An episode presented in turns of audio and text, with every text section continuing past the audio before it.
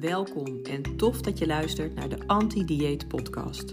De podcast voor vrouwen die klaar zijn met lijnen en diëten en nu eindelijk een gezonde relatie met eten en zichzelf willen ontwikkelen. Ik ben Diana van Dijken, voedingspsycholoog, en heb al honderden vrouwen mogen begeleiden op hun reis naar meer rust rondom eten. In deze podcast neem ik ook jou mee op deze reis.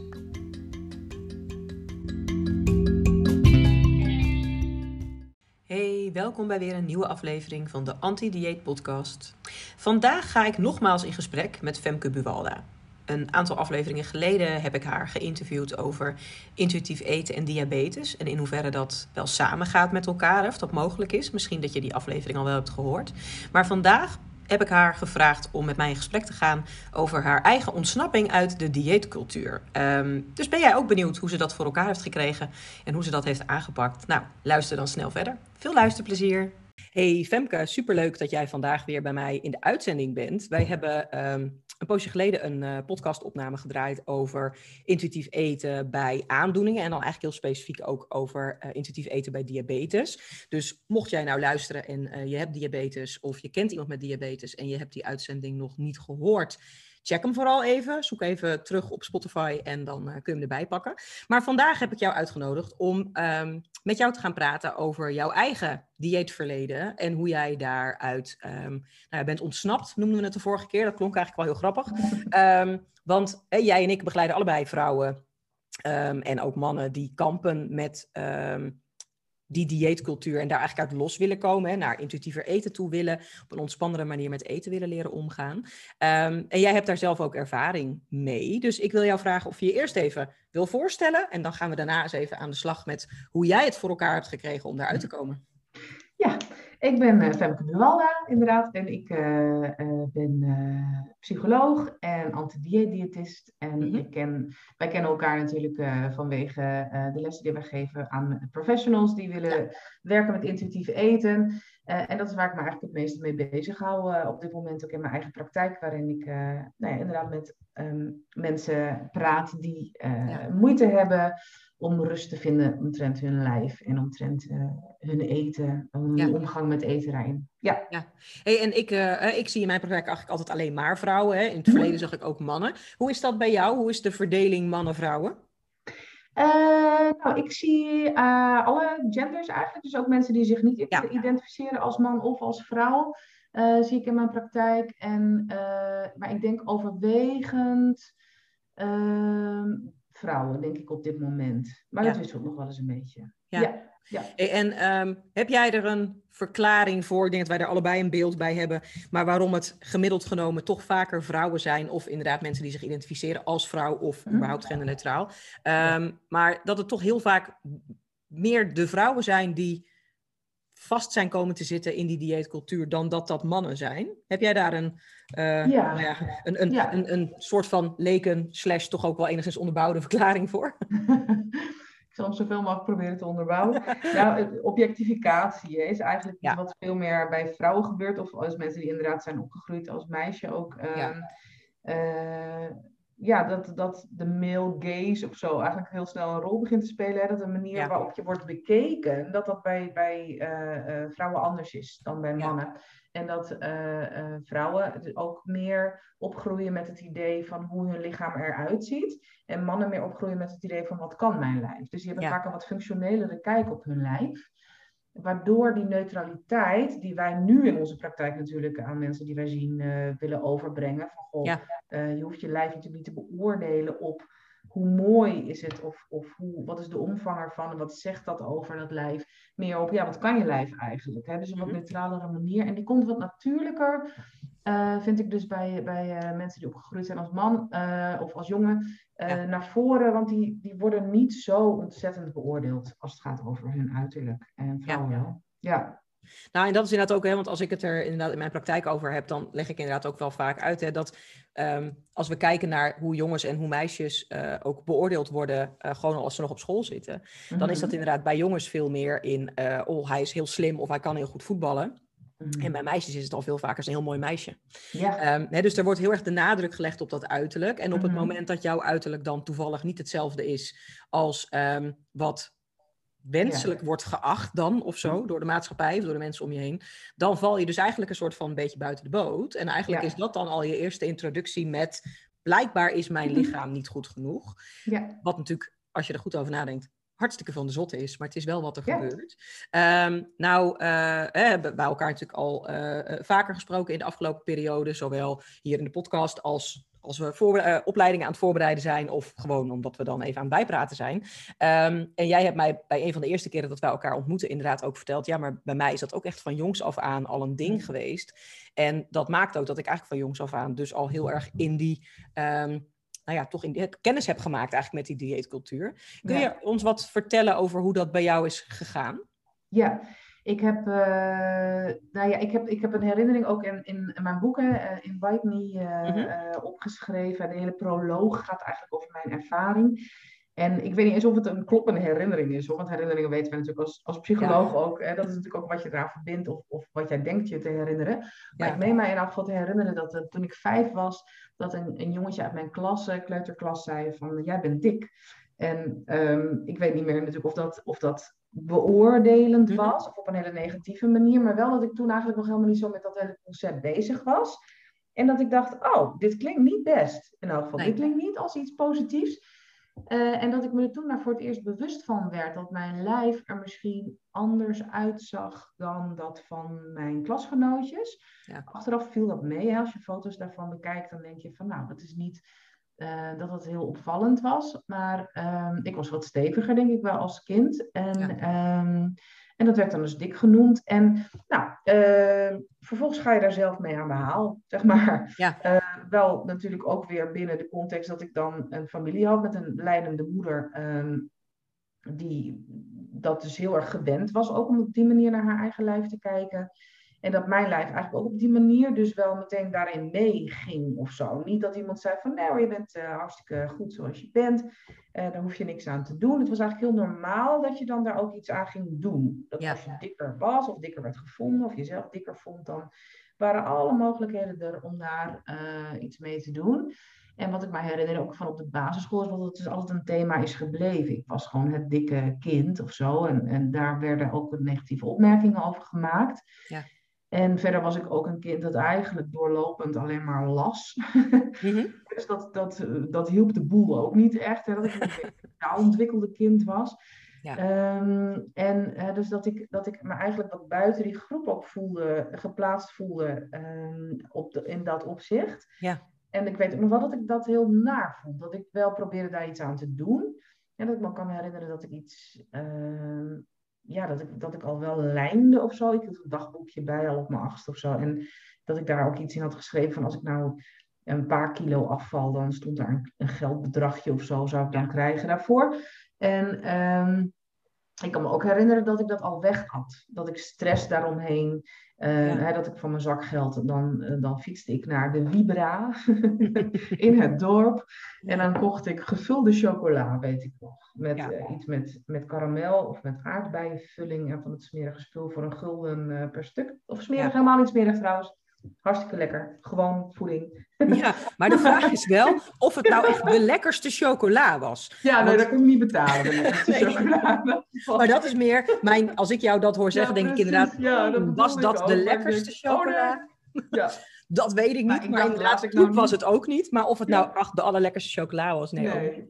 Hey, maar jij zei wel... ver van dingen als junkfood en ja, weet je, dus dat gewoon chocola. Dat ik denk, ik ga je geen morele waarde aan chocola ophangen. Nee, gewoon, gewoon chocola. chocola. hey, maar dus wel inderdaad, eigenlijk al de ervaring dan ook hebben. Je niet lekker voelen, niet fijn voelen, niet... Um, eigenlijk niet oké voelen met hoe je op dat moment dan bent. En eigenlijk dan, dan al ook de, um, de coping gaan, gaan um, krijgen dat daar dan iets te eten, hebben wij spreken tegenover um, moest staan om je dan weer wat beter te voelen. dus ook al, hè, dat wat ik dan ja. met die chocola, van die pepermuntballen, weet ik ook nog. En dat je dan, um, hè, maar dat verborg ik dan ook heel erg. En dan, dan weet ik nog van, dan had ik pepermuntballen, want dan rook het gewoon, als ik voor het naar bed gaan, dan rook het alsof ik mijn tanden had gepoetst. Ja. ja dat was mijn, uh, mijn manier van het oplossen, ook een beetje richting, uh, richting mijn ouders. En dat je dan die slingerbewegingen die we nou aan onze cliënten uitleggen van oké, ik trok al heel erg die slinger of die schommel naar links hè, met die restrictie. En ja, dan zwiepte ik naar rechts, want dat, dat wist ik niet vol te houden. En, en het was een manier om mijn toch negatieve emoties van hoe dat op school ging en hoe dat tegen mijn lijf werd aangekeken, ook door mij, uh, uh, toch weg te eten. En dat, ja, dus dat, dat is eigenlijk al van heel jongs af aan uh, bij mij. En ja, en dat is eigenlijk altijd zo doorgegaan. Ook op mijn elfde ging ik dan voor het eerst naar een reguliere diëtist, dus die bezig is met afslanken. En uh, weet ik ook nog dat ik dat heel enthousiast aan mijn uh, leerkracht op school vertelde. Dus ik had, daar, ik, was, ik had het volledig omarmd, dat hele concept. Van als je dikker bent, dan doe je daar iets aan.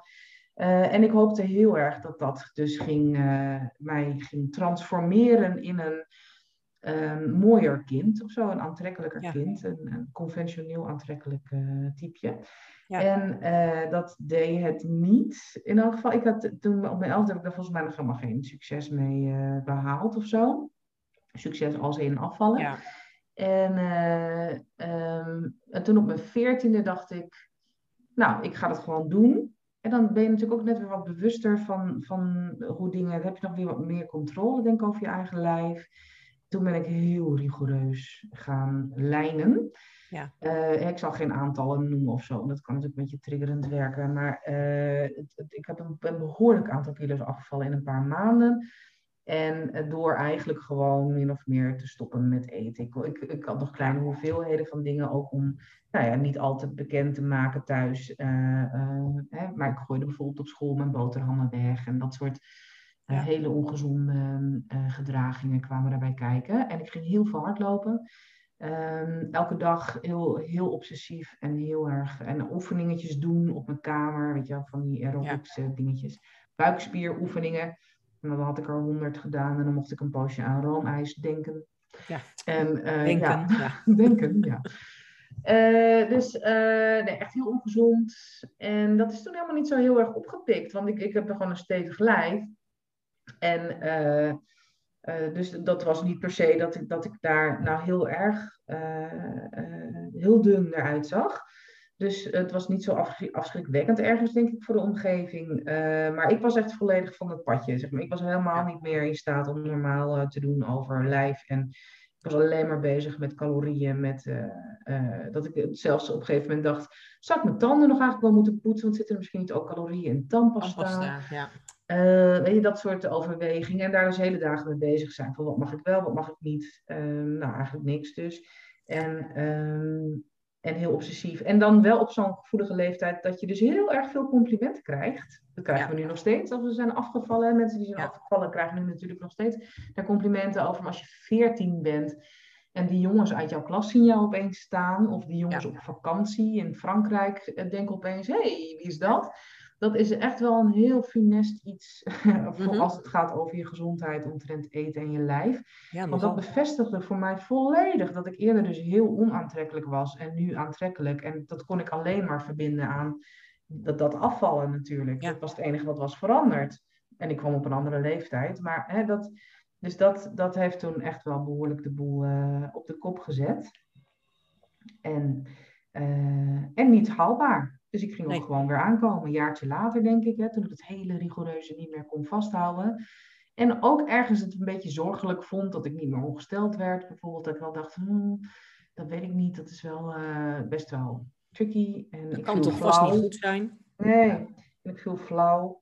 Dat ik ook denk, ja, dat is ook wel echt misschien een beetje een, een teken van dat het niet heel best met me gaat. En, uh, maar goed, toen ging ik naar de huisarts met mijn moeder. En de huisarts zei van, uh, nou ja, nee, is misschien een beetje een groeispurt of zo. Ja. Dus je denkt, hmm. En want daar had ik eigenlijk best wel een beetje mijn hoop op gevestigd.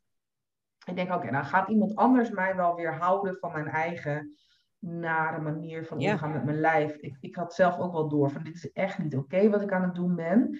Uh, en dan merken dat waarschijnlijk omdat ik er gewoon nog wel redelijk gezond uitzag ja. of zo. Hè? Dus dat vind ik ook nu het grote probleem met dat geëmmer over BMI en, en anorexia en zo. Dat je denkt van nee, je kan niet aan iemands lijf afzien hoe ondervoed diegene is. Nee. Uh, hè? Want dat wordt nu natuurlijk ook wel gedaan. Dat mensen in een dikker lijf, zeker die ook gewoon uh, echt, echt ondervoed kunnen zijn. Doordat ze zichzelf extreem beperken wordt niet onderkend. Die mensen moeten gemiddeld 17 jaar wachten op de goede diagnose uh, daaromheen.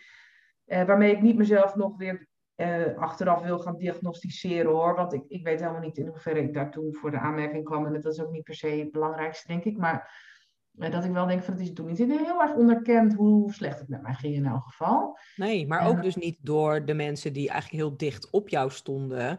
Die weliswaar natuurlijk zagen dat jouw lichaam veranderde, maar die toch ook ergens Um, opgemerkt zouden kunnen hebben mhm. dat je wel heel weinig at en wel heel veel met beweging bezig was, bijvoorbeeld. Hè? Dus eigenlijk het soort gedragingen wat we bij, eh, nog steeds bij dikke mensen eigenlijk stimuleren. Mhm. Minder eten, meer bewegen. En op het moment dat mensen eigenlijk te dun worden, zeggen we nee, je moet meer gaan eten en je moet niet zoveel sporten. Um, maar ergens zou er dan toch een alarmbelletje moeten gaan rinkelen op het moment dat je, uh, of bij je eigen vriendinnetje, of bij je buurmeisje, of bij mhm. je dochter, of bij je nichtje, of bij een van je klasgenoten, ziet mm. gebeuren dat dat er toch niet heel gezond uitziet. Dat iemand elke dag zijn brood weggooit, bijvoorbeeld.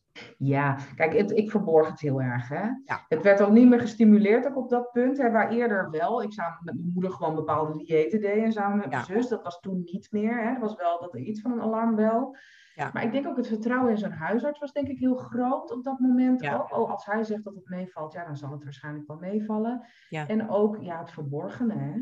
Ik bedoel, mijn moeder zag niet dat ik die boterhammen wegmieterde. Ik loog daar ook gewoon over. Ja. ja dus het is wel dat je ehm, denkt, ik heb... Uh, en, en dat hardlopen deed ik op het moment dat ze op, op hun werk waren. Ja. En, en stiekem s'avonds op mijn kamer buikspieroefeningen. Weet je, dus het is... Het, is, het was ook heel sneaky. Ja, heel sneaky. Ja, ja nee, zeker. Ja, dus dat, dat is ook iets wat je denk ik niet helemaal door hebt. Uh, maar dieetcultuur speelde daar ook een rol in. Hè? Dat, dat, dat mijn, mijn ouders ook het idee natuurlijk was van ja, als je wil afvallen is dat oké. Ja. Ergens tot op bepaalde hoogte. Je moet er niet van flauw vallen, want dan moet er dan weer wat anders gebeuren. Ja. Daar zijn natuurlijk vanzelfsprekend niet echt de handvatten in hadden van hoe dan. Um, maar dat het iedereen een beetje boven het hoofd groeide. Eigenlijk op dat moment ook van ja, oh, wat, ja oh, wat moeten we hiermee? En um, als ik dan ook vooral heel erg bevestig dat het allemaal meevalt. Ja. Omdat ik dat eigenlijk ook wel graag wilde. Ja. En goed, bij mij trad ook redelijk snel gewichtstoename uh, weer op hoor. Het is eigenlijk een heel korte periode geweest dat dat echt, echt uh, uh, slecht ging.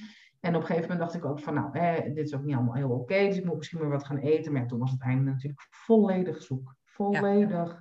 Ja. En, en met daarbij dus de paniek van, oh nee, kom aan. En nu, nu gaat iedereen me wel weer heel erg onaantrekkelijk vinden, maar dat vond ik zelf eigenlijk stiekem ook. En dus dat was die struggle dan meer, die, eh, die zich ook redelijk snel weer aandiende hoor. Van uh, toch heel veel eten. En ook in gewicht dus heel snel heel veel weer toenemen. Ehm, en uh, daar eigenlijk heel erg van balen, heel ongelukkig van zijn. En steeds opnieuw dan toch weer nieuwe dieetpogingen ondernemen. Die niet meer zo goed werkten. Als die eerste eh, keer. Nee. nee. want mijn lijf had er natuurlijk helemaal geen behoefte aan dat we weer die ellende ingingen. Dus uh, ja, dus dat was, uh, dat was eigenlijk de heftigste periode. En daarna is het altijd gewoon een soort van bij me gebleven of zo. Ja. Dat ik nog wel heel erg was aangekomen, of heel erg, ik was een behoorlijk aantal kilo's aangekomen. Uh, toen heb ik dat op een wat minder rigoureuze manier dan weer naar beneden. Ja. En daar ben ik eigenlijk steeds een beetje op blijven hangen of zo. Maar wel dus steeds met vooral mentaal gezien heel veel obsessie, heel veel. Ik moet dit hier ophouden, ik mag niet aankomen, ik moet eigenlijk nog wat verder afvallen. Mag ik dit eten, mag ik dat eten? Oh, ik heb te veel gegeten, morgen weer, weer goed beginnen.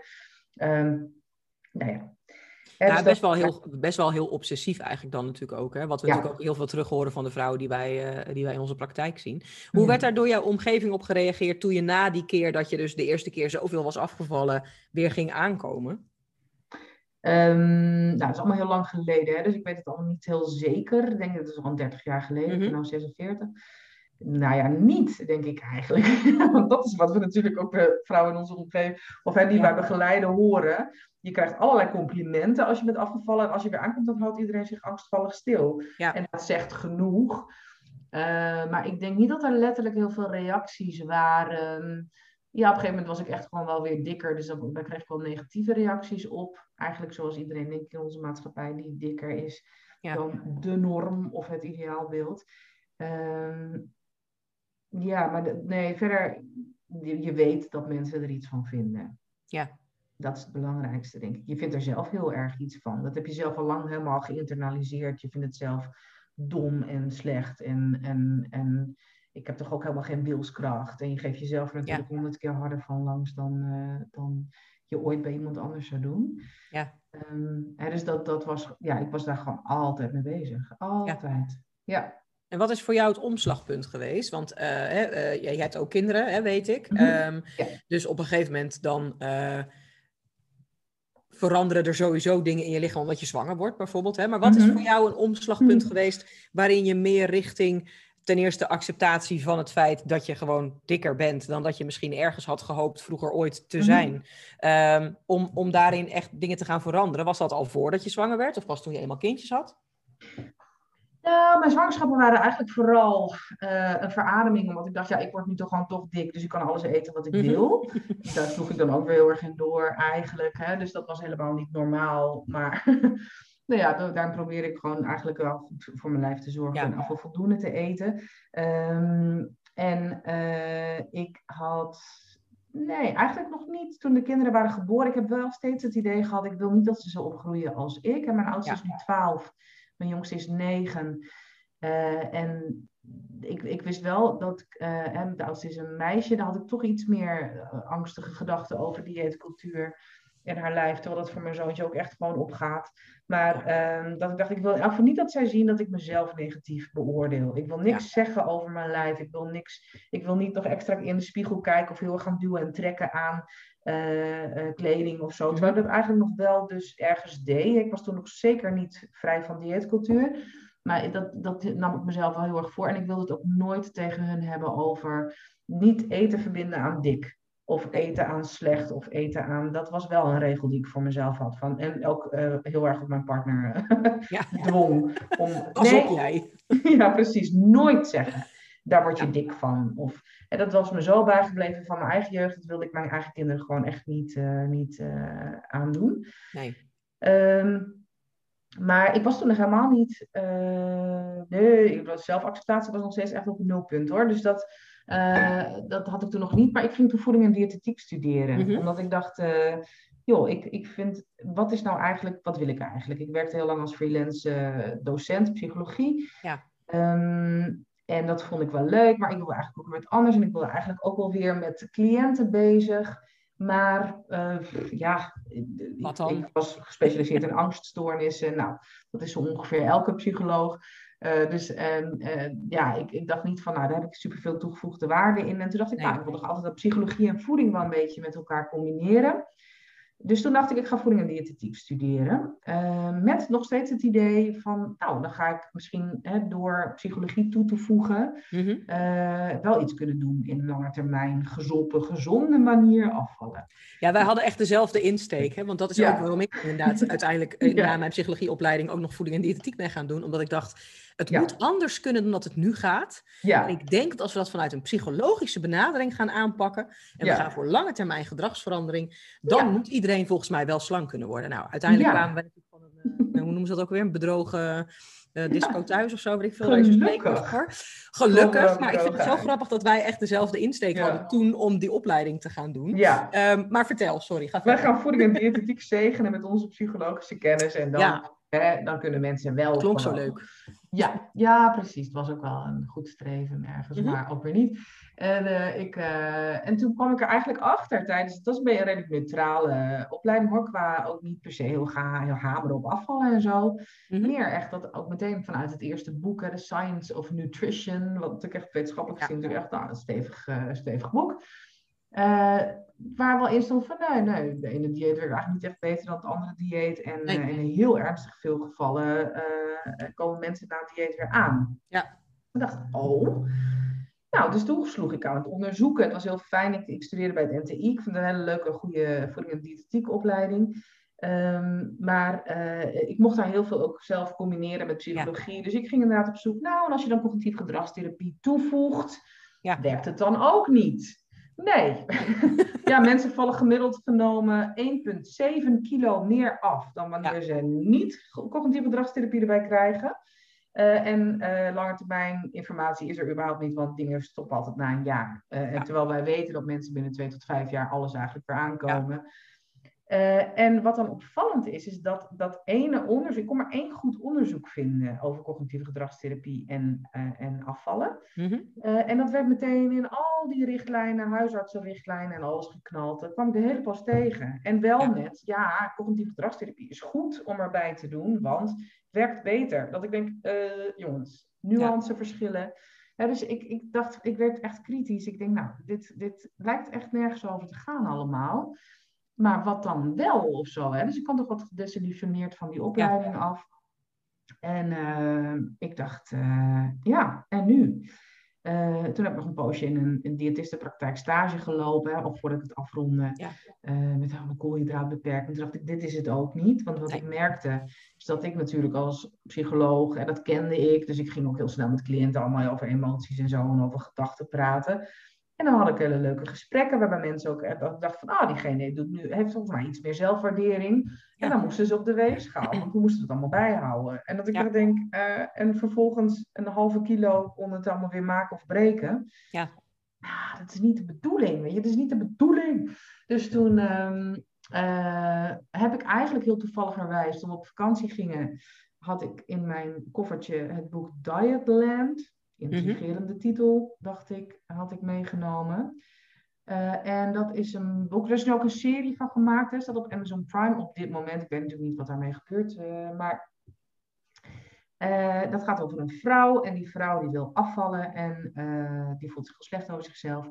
En die krijgt op een gegeven moment allerlei informatie vanuit. Oh ja, er is dus een andere vrouw die voelt zich schuldig ten opzichte van deze vrouw, want dat is de dochter van een uh, moeder die iets als Weight Watchers heeft opgericht. Ja. En die heeft daar heel veel levens mee verwoest, vindt die dochter vooral. Hè? Ja. Uh, en dat is een vrouw die zelf ook gewoon weer dik is geworden. Uh, ondanks het dieet dat zij dus promoot en, en ja. aan de man brengt. Er ging natuurlijk enorm veel geld in om. Die dochter heeft dat geld allemaal geërfd, georven noemen we dat. Ja. En uh, ik wil daar nu dus goede dingen mee doen. Uh, waaronder deze vrouwen helpen, die nu dus eigenlijk een maagverkleining wil, om dunner te worden, want dat is wat zij altijd heeft gewild. En dat is dus een, eigenlijk een heel mooi verhaal, vind ik ergens ook heel heftig hoor. Want er gebeuren allerlei hele nare dingen. Het gaat ook heel erg over het patriarchaat en hoe erg het is. Mm-hmm. Maar um, wat bij mij dus eigenlijk als een baksteen tegen mijn hoofd aan is, je hoeft dus niks aan je lijf te doen. Nee. En ik was 40. Ik dacht, oh, is dat zo? Je hoeft eigenlijk niks aan je lijf te doen. Uh, hoezo dan? Want eigenlijk moet je toch wel echt iets aan je lijf doen. Ik zat mhm. zo vast in die hele... Ja, iemand op Instagram die zei laatst van ja, het is eigenlijk een soort van vastzitten in de matrix. Ja. En dan denk ik, ja, dat is het inderdaad. Het was nooit in me opgekomen dat ik niks aan mijn lijf hoefde te doen. Want vanaf mijn vijfde was ik ervan overtuigd dat ik wel iets aan mijn lijf moest doen. En dat dat mijn weg was naar succes en geluk en, en tevredenheid en aantrekkelijkheid en weet ik veel. Ja. En toen dacht ik, hè? Dus ja, uh, ik, ik noem het wel zo'n beetje beschamend, omdat ik echt denk van je zit zo vast. En ik vind het alleen voor me, dat vind ik dus niet voor andere mensen, want ik herken dat nu heel erg bij mensen die ook daar zo in vastzitten. Ik, ja, dat is ook zo, want iedereen leeft in dieetcultuur. En de aannames, dit zijn ook onze aannames. Wij denken ook, ja. is dus zo. Dit werkt dus op deze manier. Nou, dus maar voor mij was dat een hele erg uh, eye-opener. En uh, toen ben ik eigenlijk al alles gaan lezen wat los en vast zat over intuïtief eten, over health at every size. Dat dat er was, dat, dat leerde ik toen natuurlijk een beetje. Hè. Dus maar, uh, uh, is een beetje mijn manier sowieso van, van informatie verzamelen, wetenschappelijke artikelen. ik ben natuurlijk onderzoeker, ook psychologisch onderzoeker. Dus ik, voor mij is dat een soort van, oké, dan ga ik dat allemaal heel erg verzamelen. Echt met heel sceptische achtergrond achtergrondondertoon van dit klinkt echt te mooi om waar te zijn. Er zal een addertje onder het gras zitten. Dit zal echt niet helemaal kloppen. Want dit betekent dus dat er vrijheid is rondom eten. Nou, dat kan natuurlijk helemaal niet. Dus ik ging dat ook weer helemaal argwanend uh, te lijf eigenlijk. Maar toen kwam ik erachter dat er toch echt wel echt heel erg veel in zit. dat je dus niet uh, aan beperkingen hoeft te doen en nou ja, intuïtief eten, het boek Intuïtief eten natuurlijk van Evelyn uh, en Elise Resch. Dat is een beetje natuurlijk de intuïtief eten bijbel. Ja. Uh, heeft daar nog het meest, denk ik, wel de vierde editie. Want die zijn ook wel weer wat begonnen, een beetje dieetcultuurig begonnen met het in de markt zetten van intuïtief eten. Dat is eigenlijk pas echt goed vanaf de allerlaatste editie, uh, zijn ze daar echt goed los van. Ehm, maar ja, dat is een heel uh, proces geweest eigenlijk. Dus daarin. en ik merk ook dat ik nog steeds in dat proces zit hoor. Ik denk dat ik er nu een jaar of zes dus eigenlijk in geval in persoonlijk opzicht mee bezig ben. En sinds nu een jaar of twee echt in professioneel opzicht mee bezig ben. Maar ehm, waarbij ik steeds kleine stapjes heb, heb gemaakt. Ik ging intuïtief eten. Ik ging dat meteen super rigoureus doen. In het boek hè, Intuïtief eten staat dat eigenlijk veel, veel uh, stapsgewijzer. Ik dacht, oké, ik haal meteen alles in huis wat ik lastig vind. Alles verboden voedsel, dan maar in één keer. Dus ik heb wel een paar weken in zo'n suikercoma rondgebracht. Waarvan we nu weten dat het eigenlijk niet bestaat. Maar nee, eh, suiker is niet verslavend. Maar dus ik had in één keer gewoon alles uh, dat ik, uh, dat, waar ik de uitdaging dan maar mee aanging. En, um, en dat kan, dat is ook een manier van dat doen. Ja. Uh, maar ja, toen ben ik daar eigenlijk gewoon vol ingedoken en gelukkig niet meer uitgekomen. Want nu is er zoveel meer rust rondom eten en, en rondom mijn lijf ook. dan ik daarvoor eigenlijk überhaupt voor mogelijk achtte. Ik dacht van nou oké, dan kom ik er misschien iets los van. Maar de mate waarin dat nu is en de mate waarin dat nog steeds ook af en toe echt nog een beetje meer wordt, mhm. ja, daar ben ik toch echt wel een beetje blij verrast over. Hoor. Want ik, ja, uh, ik, was al, ik was al tevreden geweest met de helft, denk ik. Zo vast zat ik. En nu, ja, de mate van vrijheid en het echt niet meer nadenken over wat je eet. En het echt niet meer nadenken over. Uh, lijf is soms nog wat lastiger. Met hele stressvolle periodes merk ik toch wel of als kleren weer wat te krap zitten of zo. Dat je denkt, oh, moet ik weer nieuwe. Hè? Dat, dat, dat blijven soms nog wel lastige momenten. Uh, maar ook veel en veel en veel minder dan eerder. Waarbij ik echt hele negatieve, kritische gedachten over mezelf had. Die ik nu gewoon echt niet meer heb. Ja. En ik reageer er in elk geval sowieso niet meer op. Ook al denk ik even van, oh, was ik maar, maar wat lichter als ik veel filmpjes moet opnemen of zo. Mhm. Dan denk ik, ja, ja, nou ja, ja, dat kan ik denken. Ja. Dat denk ik. Ga ik er iets mee doen? Nee. nee. Maar ja. daarin zie je ook hoe mooi het is als je daarin op een hele luchtige manier ook met je eigen gedachten om kunt gaan. Dat je nog steeds mm-hmm. best eens een keer een gedachte kunt hebben mm-hmm. over, hmm, ik zou het niet eens helemaal verkeerd vinden als mijn lichaam er anders uit zou zien. Of, oh, ik vind mezelf vandaag eigenlijk wel dik. Of, hè, dus je kunt daar nog steeds gedachten over hebben. Alleen de vraag is, laat je je daar ook door leiden? Mhm. Of door uit het veld slaan. Of nou ja, inderdaad, hè, merk je zo'n gedachte op en stel je vast, ja, die gedachte kan ik inderdaad hebben. Maar dat betekent niet dat ik er wat mee hoef te doen. Hè. Dus dat is natuurlijk een van de dingen die wij onze cliënten ook altijd proberen aan te leren. Vooral natuurlijk ook vanuit de psychologische achtergrond die we daarin allebei hebben. Dat je toch echt ook op een andere manier met je eigen gedachten kunt leren omgaan dan dat we dat misschien geneigd zijn te doen. Maar dat je dus ook inderdaad er wel los kunt komen uit die cultuur waarin je eigenlijk van kinds af aan al te horen hebt gekregen, wellicht, en in jouw geval is dat in ieder geval ook zo, dat eigenlijk dat lichaam anders moet zijn. En dat dat lichaam dunner moet zijn en slanker moet zijn. En dat je eigenlijk mhm. minder zou moeten wegen. Iets wat dan dus eigenlijk van kinds af aan hè, bijna met de paplepel er dan eigenlijk al wordt ingegoten. Hè, wat, wat natuurlijk ook heel veel um, gedachten en overtuigingen heeft gevormd in de loop der jaren. Die natuurlijk eigenlijk hartstikke hardnekkig zijn. En toch kom je, um, kun je dus na verloop van tijd loskomen van die gedachten. Ja.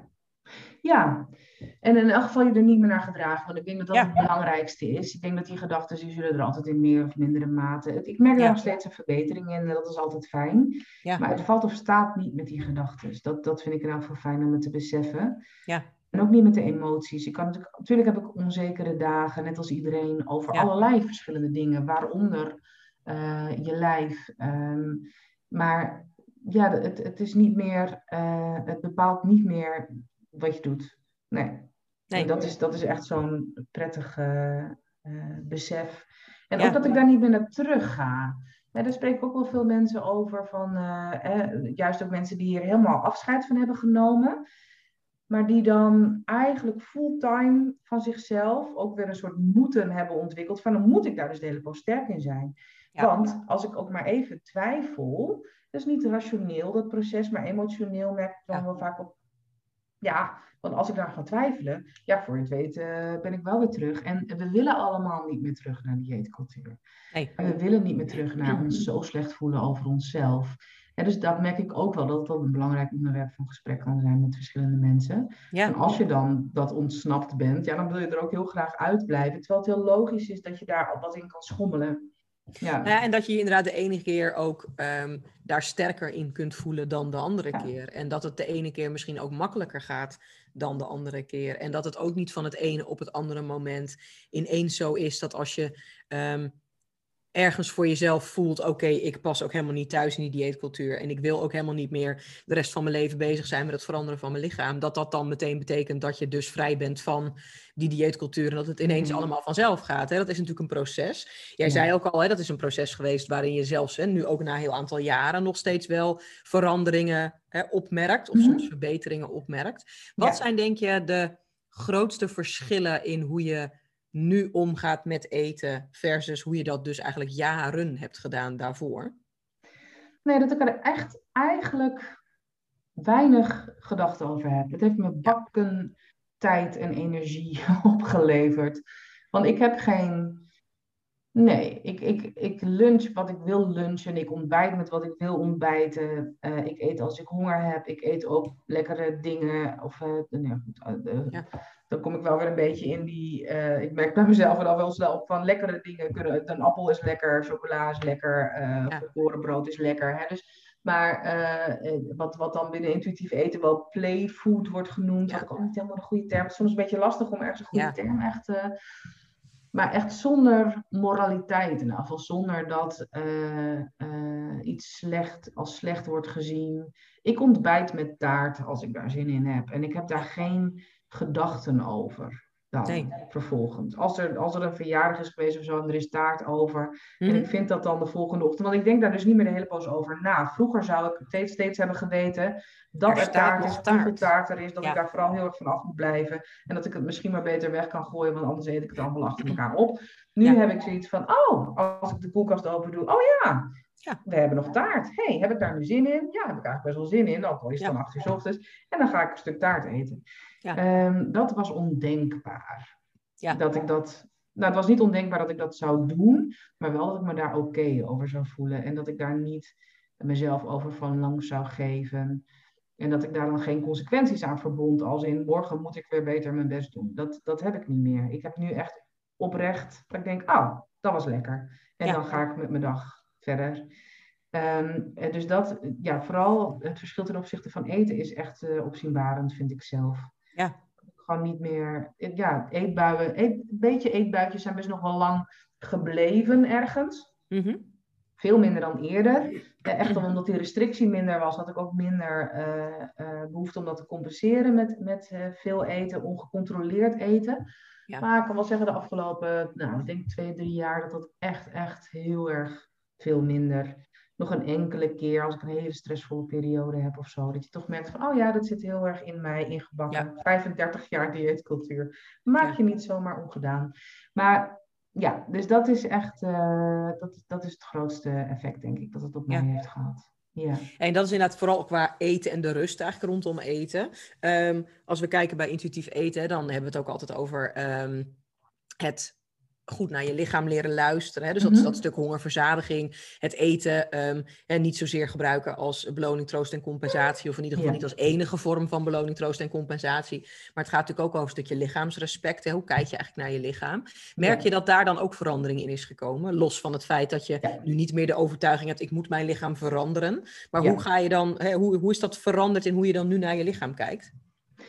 Uh, nou, in elk geval niet meer die zelfkritiek of die, ehm, eh, ja, die negatieve gedachten. Echt als je naar jezelf kijkt in de spiegel. Mhm. Eh, ik, ik ben behoorlijk wel de afgelopen tijd ook in gewicht bijvoorbeeld gefluctueerd. En dat is mhm. wel iets wat je uh, wat, ik, wat vanuit dieetcultuur natuurlijk heel lastig kan worden gevonden. Ja. Uh, uh, ik ben nu echt dikker. En, of, of dik. Dat is altijd een beetje de vraag mm wie, wie, noemt zich dik en wie niet of zo. Maar maat 46 heb ik in elk geval om daar iets van objectief iets tegenover te stellen. en dat, dat, is, dat is prima eigenlijk. En daar vroeger was dat heel erg. vond, ik, vond ik maat 40 al te groot of zo. En nu uh, denk ik, ja, dat is mijn lijf nu. Mijn lijf is zich aan het vormen zoals mijn lijf zich vormt. En uh, kan ik wel oprecht zeggen dat ik daar uh, ja, geen moeite mee heb. Of geen, dat ik dat oké vind. Of dat, dat, uh, dat ik niet meer ik betrap mezelf nog wel eens op gedachten, maar eigenlijk is het een beetje hetzelfde. Dat Ik denk, oh, bepaalde gedachten, of als ik een foto van mezelf zie, een onflatteuze pose of zo, of een onderkin, of een... En dat ik dan wel kan denken, oh, en dan kan denken, ja, maar ja. we gaan daar dus niks mee doen. Of dat ik probeer om meteen een soort neutrale gedachte ook tegenover te zetten, van hé, hey, dit is je gezicht en daar is echt niks mis mee. Ja. En dat, uh, dat je dat uh, eigenlijk redelijk snel ook weer ondervangt. Ja, en ook door het neutraal eigenlijk te ondervangen. Hè? Want daar hebben wij het natuurlijk ook wel eens uh, over gehad, gewoon op andere momenten. Dat als je gaat kijken inderdaad naar de body positivity stroming, dat het idee natuurlijk wel een beetje is geworden, vooral in de laatste um, nou ja, jaren misschien. Dat je dan dus vooral je lichaam moet omarmen en het ook mooi mm. zou moeten vinden. Terwijl natuurlijk lang niet iedereen zijn of haar lijf ook mooi vindt. En de vraag ook is of dat nou het doel zou moeten zijn, hè? dat je je lichaam mooi vindt, of dat je gewoon respect kunt tonen voor het feit dat jouw lichaam heel hard voor jou werkt elke dag. En uh, dat het een bepaalde functie voor jou uh, vertolkt en dat het bepaalde dingen kan doen. En dat het misschien stiekem ook veel belangrijker is wie je eigenlijk bent en wat je doet en waar je voor staat en hoe je je gedraagt dan in welk lichaam je dat uiteindelijk kan doen. Um, is dat voor jou iets waar jij ehm, echt bewust aan bent gaan werken? Hè? Dus dat neutraler naar jezelf hè, toe gaan praten bijvoorbeeld ook echt. Dus dat je op een andere manier zo'n gedachte ook opmerkt en ermee aan de slag bent gegaan? Ja. ja, neutraliteit is denk ik echt een hele belangrijke. Want het is niet zo dat je inderdaad in de spiegel kijkt en denkt, yes, fantastisch. Mhm. Weet je? En dat, dat hoeft ook niet. Hè? Dat geldt eigenlijk denk ik voor de aller, allermeeste mensen op de wereld. Waarbij er dus dan ook niet meteen een of ander streven is van wat, wat je dan wel zou moeten.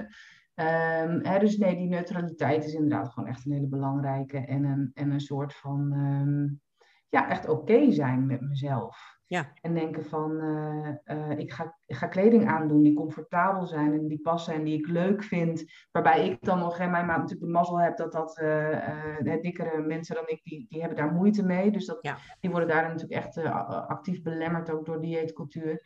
Maar um, ik heb dan het geluk dat ik dat nog wel meer kan vinden. Oh, excuus, er komt hier een uh, telefoontje tussendoor. Oh, okay. Terwijl alles op niet storen stond. Dus dan is altijd even de vraag uh, wat, er, uh, wat er gebeurt. Dus ik heb hem even weggeduwd. Wij gaan gewoon verder. Mocht hij er zo nog een keer tussendoor komen, dan alvast excuses ja, nee, voor het ongemak. Ik heb hier ook een blaffende hond. Ik weet niet hoe erg jij dat hoort. Maar, nee, oh, die hoor, ik hoor heel in de verte af en toe iets geluid. Maar inderdaad, die telefoon gaat hier ineens af, terwijl die toch echt staat op niet storen. Dus ik ga heel even kijken of dat...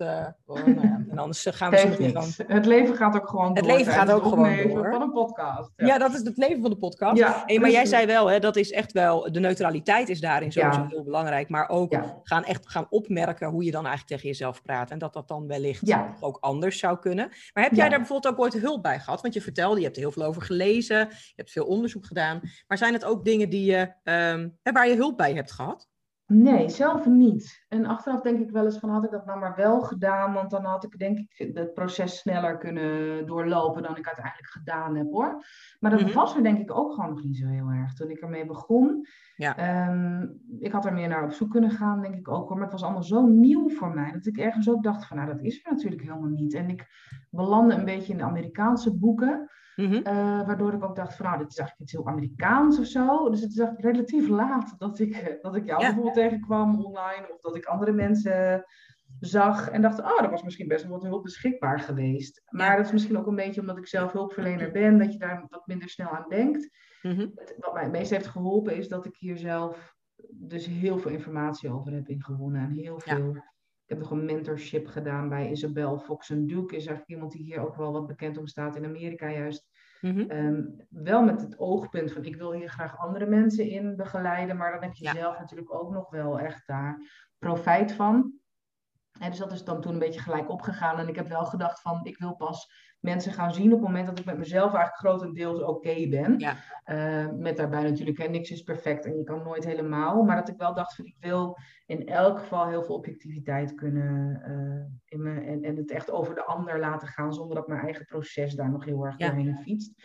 dus dat was iets wat ik me wel had voorgenomen. Maar ik denk dat, ik, dat die opleidingen of die manier van uh, informatie zoeken voor mij toen het meest heeft geholpen. Ja. Um, ja, met de kanttekening dat ik denk van ja, als ik het wel eerder had geweten, had gevonden, dan. Uh, dus ik ben heel blij dat er nu gewoon veel meer informatie over is. Dat andere mensen hopelijk wat sneller door dat proces heen kunnen dan ik. Ook al heeft dat gewoon ook zijn tijd nodig. Um, maar hulp is altijd fijn natuurlijk. Altijd fijn om met iemand hierover te kunnen praten.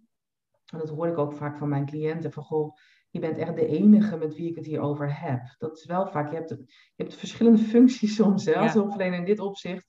Want mensen zeggen van ja, uh, iedereen in mijn omgeving gelooft in dieetcultuur. Iedereen in mijn omgeving is bezig met hun lijf op een manier waarop ik er niet meer mee bezig wil zijn. dus je hebt daar heel veel, uh, ja, ook ergens verantwoordelijkheid in, vind ik, om, om dat ook heel uh, volledig gewichtsneutraal dan dus ook te brengen. En ja. daar heel voorzichtig in te zijn van hoe, ja, hoe, hoe, kwetsbaar dat is voor mensen. Eigenlijk. Nou, en ook, want ik had toevallig inderdaad een paar weken geleden een intake met iemand die inderdaad um, eigenlijk begon met inderdaad de woorden: um, eindelijk iemand die, um, die begrijpt wat ik bedoel. Hm. En die niet de illusie schetst dat ik het allemaal zomaar kan veranderen. En toen dacht ik, ja, daar zit dus ook een heel belangrijk stukje van die maakbaarheid, waar wij het ook onderling al wel vaker over hebben gehad. Die illusie dat alles maakbaar is. Maar dat zij ook mhm. zei, je bent de eerste die nu mij ook het idee geeft. Het is ten eerste oké dat jij bent wie je bent, maar het is ook een illusie om te denken dat je dat ooit helemaal had kunnen veranderen. Mm Als zij ook aangaf, op mijn werk gaat het over het eerstvolgende dieet. Um, in de sportschool gaat het over hoeveel je al bent afgevallen en of je je doel al hebt bereikt. En ze zegt dus het gaat overal constant over het idee dat dat lichaam anders moet zijn. Dat je zou moeten kunnen afvallen. Dat je mhm. eigenlijk gewoon een loser bent als je dat niet voor elkaar krijgt. Terwijl dat natuurlijk helemaal nergens op slaat. Het heeft helemaal niks met elkaar te maken. Maar je merkt dus wel dat die... Um, die overtuiging is nog steeds best wel heel erg sterk. Maar ook, en dat vond ik ook typisch, dat was dezelfde mevrouw um, die dat vertelde in haar intake. Bij iedereen om mij heen lijkt het allemaal geen probleem te zijn. Mm En um, toen moest ik denken aan een van de dingen die ik in mijn opleiding inderdaad heel vaak ook tegen mijn uh, cursisten zeg aan de buitenkant kan je niet zien wat voor strijd iemand levert met eten. Dus dat betekent dat iemand er zo gezegd gezond uit kan zien. Nou, eigenlijk waar wij het in de vorige podcast ook over hebben gehad. Mm. Hè, dat je er dan nog gezond uit kunt zien, maar dat je eigenlijk misschien wel een hele verknipte relatie met eten hebt mm. en hartstikke slecht voor jezelf zorgt. Maar je ziet er gezond uit, want je hebt een gezond gewicht tussen aanhalingstekens mm. of je bent slank.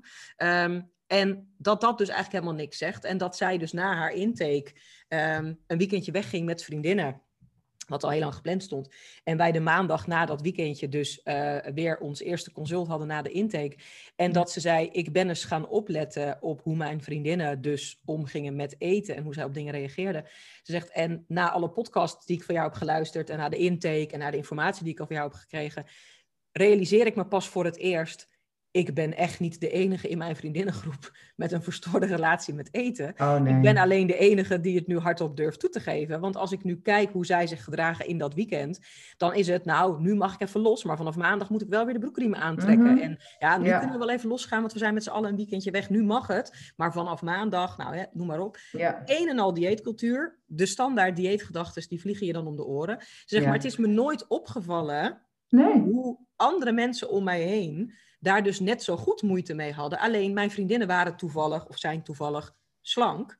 Dus heb ik altijd het idee gehad, bij jullie is het geen issue. En ik was mhm. altijd de dikste van de groep, dus het probleem lag bij mij. Maar dan zie je dus al hoe vertekend jouw beeld kan zijn van wat er eigenlijk hè, om je heen gebeurt bij collega's, vriendinnen, ja. nou zussen, noem maar op. Maar dat het, als je erop gaat letten, um, pas echt opvalt hoe nou ja, hè, hoe breed verspreid de hele dieetcultuur is. Maar mhm. dus ook dat jij echt niet de enige bent die um, het moeilijk vindt om op een relaxte manier met eten om te gaan. Omdat dat lichaam zo bepalend is in ja. Ja, wat je dan wel of niet zou mogen eten en zou mogen doen. En wat je zou moeten veranderen. Ah. Dat het uiteindelijk zo met elkaar te maken heeft. Ja, vooral dat mogen eten inderdaad. Ik was laatst ook hè, van, met, met een willekeurig groepje vrouwen hoor. Hele leuke vrouwen was ik, uit, uh, was ik uh, aan het lunchen. Mm en uh, de helft van de tafel bestelde hamburgers. En toen dacht ik al van, oh, dikke kans dat het zo meteen natuurlijk losgaat met, weet je, en inderdaad de hamburgers worden gebracht. En uh, hè, de eerste begint met, uh, eigenlijk zou ik dit nu niet moeten eten. Ja. Nou, en vervolgens gaat het natuurlijk een half uur over um, hoe we eruit zien, wat we daarvan vinden, dat het allemaal wat minder moet. En uh, dat we vanavond toch vooral salade moeten eten als we nu een hamburger eten. Ik, ik niet natuurlijk, ik gooi er dan af en toe een, uh, nou, ik vind jullie allemaal prachtig in hoor. Want dan denk ik van, maar ik hou me dan ook wat meer op de vlakte, omdat ik denk van ja, het is, um, het is soms heel lastig om de hele poos ook zo tegenover dieetcultuur te staan of zo. En dat wat mensen zo totaal, die mensen zitten nog in de matrix. Weet je hoe we dat dan zien? En uh, dat mensen zitten er ook niet altijd op te wachten om daarmee geconfronteerd te worden of zo. Maar dat kan ik nog wel eens een lastige vinden hoor. Dat ik dan denk van ja, heb ik dan die verantwoordelijkheid heel erg om daar iets mee te doen? Nou, ook niet echt. Uh, nee, ja, of daar keuzes in maken. De ene wil of zo. Ik wil niet meer ook dan daarover meepraten over hoe erg het allemaal is. Want ik vind het helemaal niet erg. Al eet je drie hamburgers, het interesseert me helemaal niks. Nee. En dat, dat gun ik andere mensen ook gewoon zo heel erg. Dat ze daar uh, rustiger mee om kunnen gaan. Maar inderdaad ook dat idee van onze cliënten van... Uh, goh, uh, alle anderen kunnen het wel. Ja. Dat, dat is echt meteen iets. Van, nee hoor, volgens mij niet. Hoe, hoe hoe denk jij dat dat gaat dan? En als mensen dan inderdaad daar gesprekken over... Mensen voeren er ook normaal gesproken inderdaad geen gesprekken over met hun omgeving. Nee. Vanwege die aannames die ze hebben. Uh, en als daar dan wel dieper op in wordt gegaan, dan zie je ook wat andere mensen allemaal doen, inderdaad, wat best wel een verstoorde relatie met eten met zich meebrengt. Ja. Uh, dus iedereen kan het wel. Nee hoor, niemand kan het. Nee, nou en ik denk dat daar inderdaad ook een, heel, uh, ook een hele belangrijke valkuil kan zitten als we uh, kijken naar hoe bepaalde dingen natuurlijk ook door coaches een soort van verkocht worden. Mm. Dat idee van um, als ik het kan, dan kan jij het ook. Hè? En dan meer op het stuk van als ik kan afvallen en als ik dit regime mm. kan volgen en als ik zes keer in de week in de sportschool kan staan en ik kan werken voor mijn doelen, dan kan jij dat ook. Terwijl dat ten eerste natuurlijk een enorm vertekend beeld geeft, want los van wat jij als beroep hebt en wat je als achtergrond hebt en hoe jouw lichaam in elkaar zit en hoe je gebouwd bent en mm wat wel voorbestemd was voor jou als plan, um, is maar de vraag of dat um, voor een ander überhaupt ook haalbaar is. Maar het gaat ook heel erg uit inderdaad van het idee dat je dan dus altijd je lichaam kunt manipuleren mm-hmm. om er anders uit te gaan zien dan dat het um, misschien ook gewoon bedoeld was eruit te zien. Hè? In de uh, podcast met Frauke um, sloten we de podcast af met de, um, nou ja, de, de, vond ik persoonlijk hele mooie woorden, er zullen altijd dikke mensen zijn. Mm -hmm. um, en het hele idee dat je dat dus zou moeten gaan beïnvloeden, is natuurlijk enorm vanuit de dieetcultuur ingegeven. Ja. Maar het feit dat dat dan ook, dat die maakbaarheid er heel erg in zit, komt ook door heel veel mensen die vanuit professionele hoek bezig zijn met voeding en met sport en met personal training, die eigenlijk ook heel erg stimuleren, maar het kan ook. Hè? Als je er maar hard mhm. genoeg voor werkt, dan kan ook jij slank worden, sportiever worden, nou ja, je gezondheid beïnvloeden, uh, wordt daar dan indirect ook nog wel mee, um, mee neergezet. Terwijl wij natuurlijk eigenlijk vanuit intuïtief eten, maar ook vanuit health at every size, maar ook vanuit onze psychologische achtergrond, veel meer staan voor dat stuk jij bent wie je bent en dat is per definitie oké. En dat betekent niet dat je niet goed voor jezelf mag willen zorgen. Maar wat is eigenlijk goed voor jezelf zorgen? En ziet dat er niet heel anders uit dan jezelf allerlei regeltjes opleggen in wat je wel en niet mag eten en hoeveel je wel of niet zou moeten bewegen? Ja, en inderdaad, en dat is denk ik misschien ook wat, wat heel erg aan mij bleef haken van dat boek Dietland. Dat hele idee, wat heel kloppend is, een heel kloppend mhm. idee van een vrouw die eigenlijk een hele beweging opzette rondom afvallen, omdat het haar kortstondig gelukt was. Ja.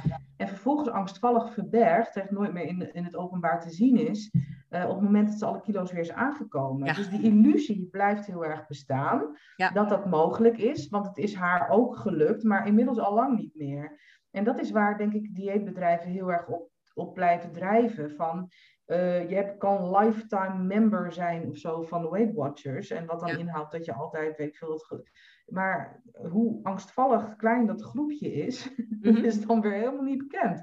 Nee. En, uh, en dat het, hè, dus dan blijft er een soort van illusie in stand van andere mensen kunnen dit wel.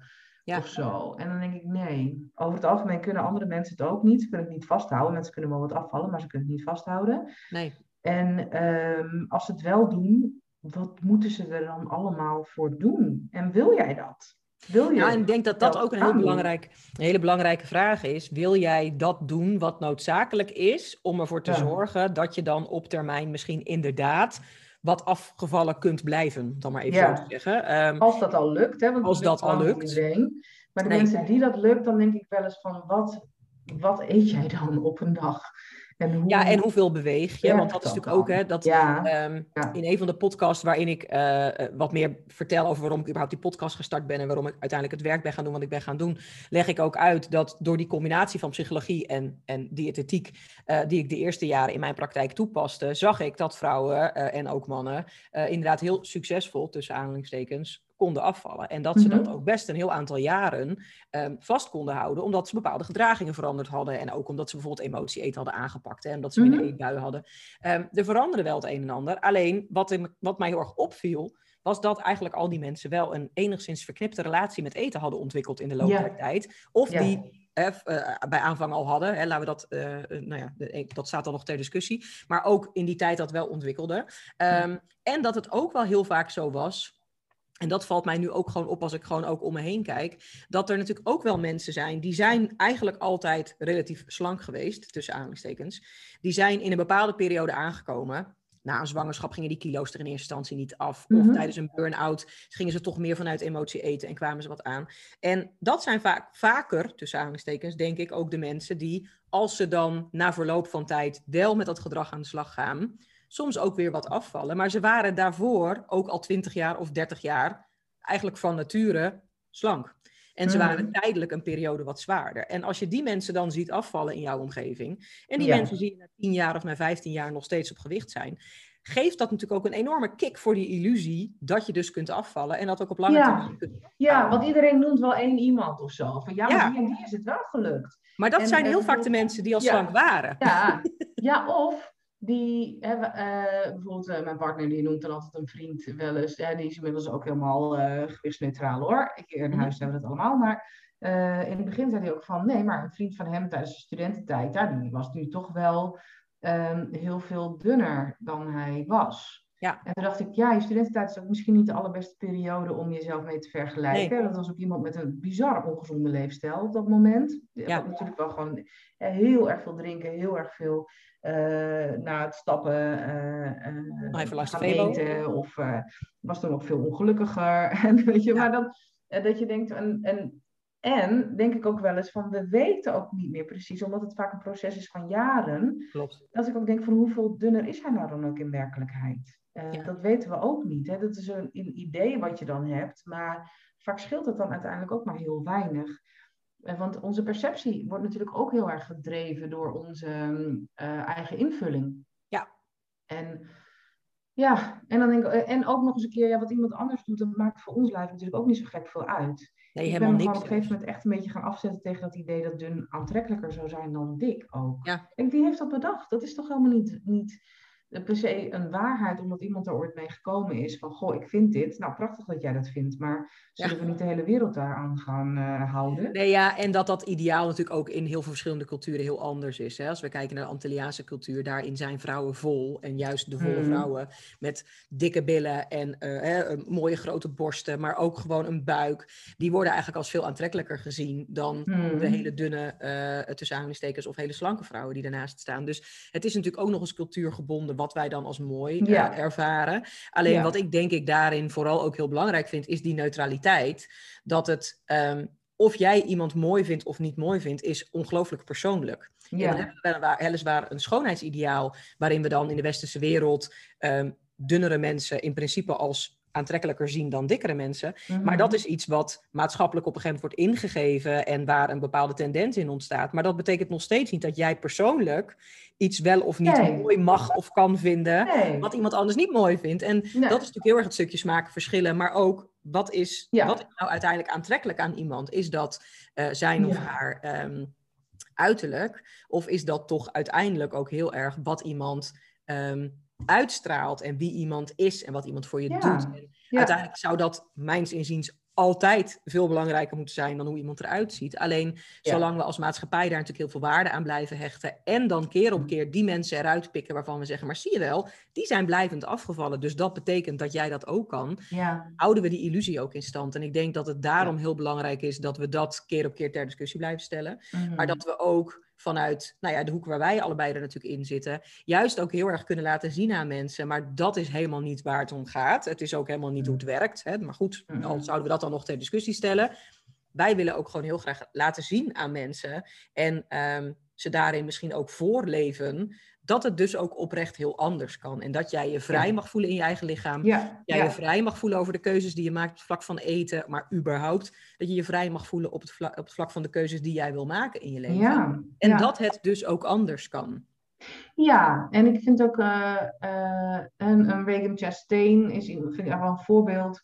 Die ook zegt van goh, maar ook naar je lijf kijken of naar een ander lijf kijken, het is ook een soort van aangeleerde vaardigheid om, om, om schoonheid te kunnen zien in verschillende lijven. Ook zijn we dus geïndoctrineerd om een bepaald lijf mooier te vinden, wat dan niet ons eigen lijf is in de regel.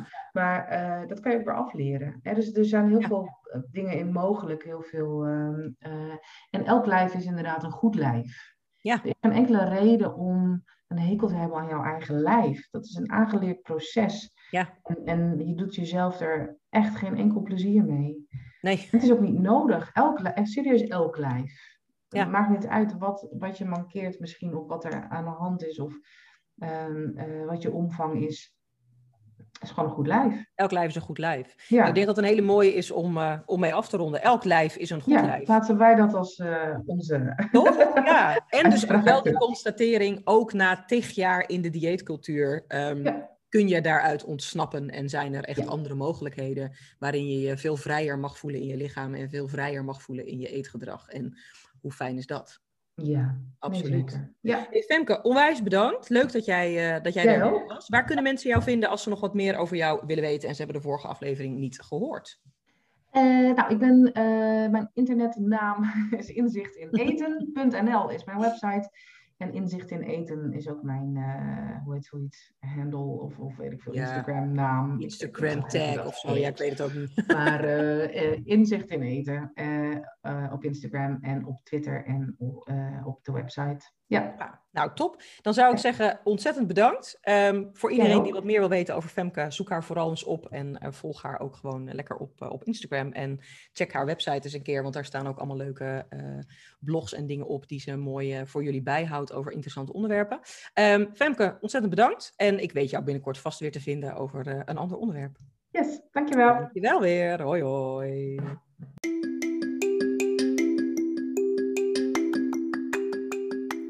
Ontzettend leuk dat je hebt geluisterd. Dank je wel daarvoor. Ik hoop dat je ook de volgende keer weer aanhaakt. Je bent in ieder geval van harte welkom. Vond je dit nou een toffe aflevering? Abonneer je dan op de Anti-Dieet Podcast. Laat sterren achter, schrijf een leuke review of deel deze podcast met andere vrouwen. Dat waardeer ik echt enorm. Wil je me wat vragen of ben je op zoek naar meer informatie? Check dan vooral eens mijn website en mijn socials. Daar vind je ook hele toffe gratis downloads en introductielessen. In de show notes vind je uiteraard alle details. Dit was de Anti-Dieet Podcast. Tot de volgende keer.